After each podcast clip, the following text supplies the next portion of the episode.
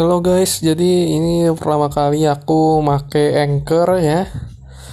Kayaknya banyak direkomendasikan teman-teman juga untuk membuat podcast. Ya harapannya sih di Anchor ini podcast tentang masalah hidup saya bisa tersalurkan begitu teman-teman.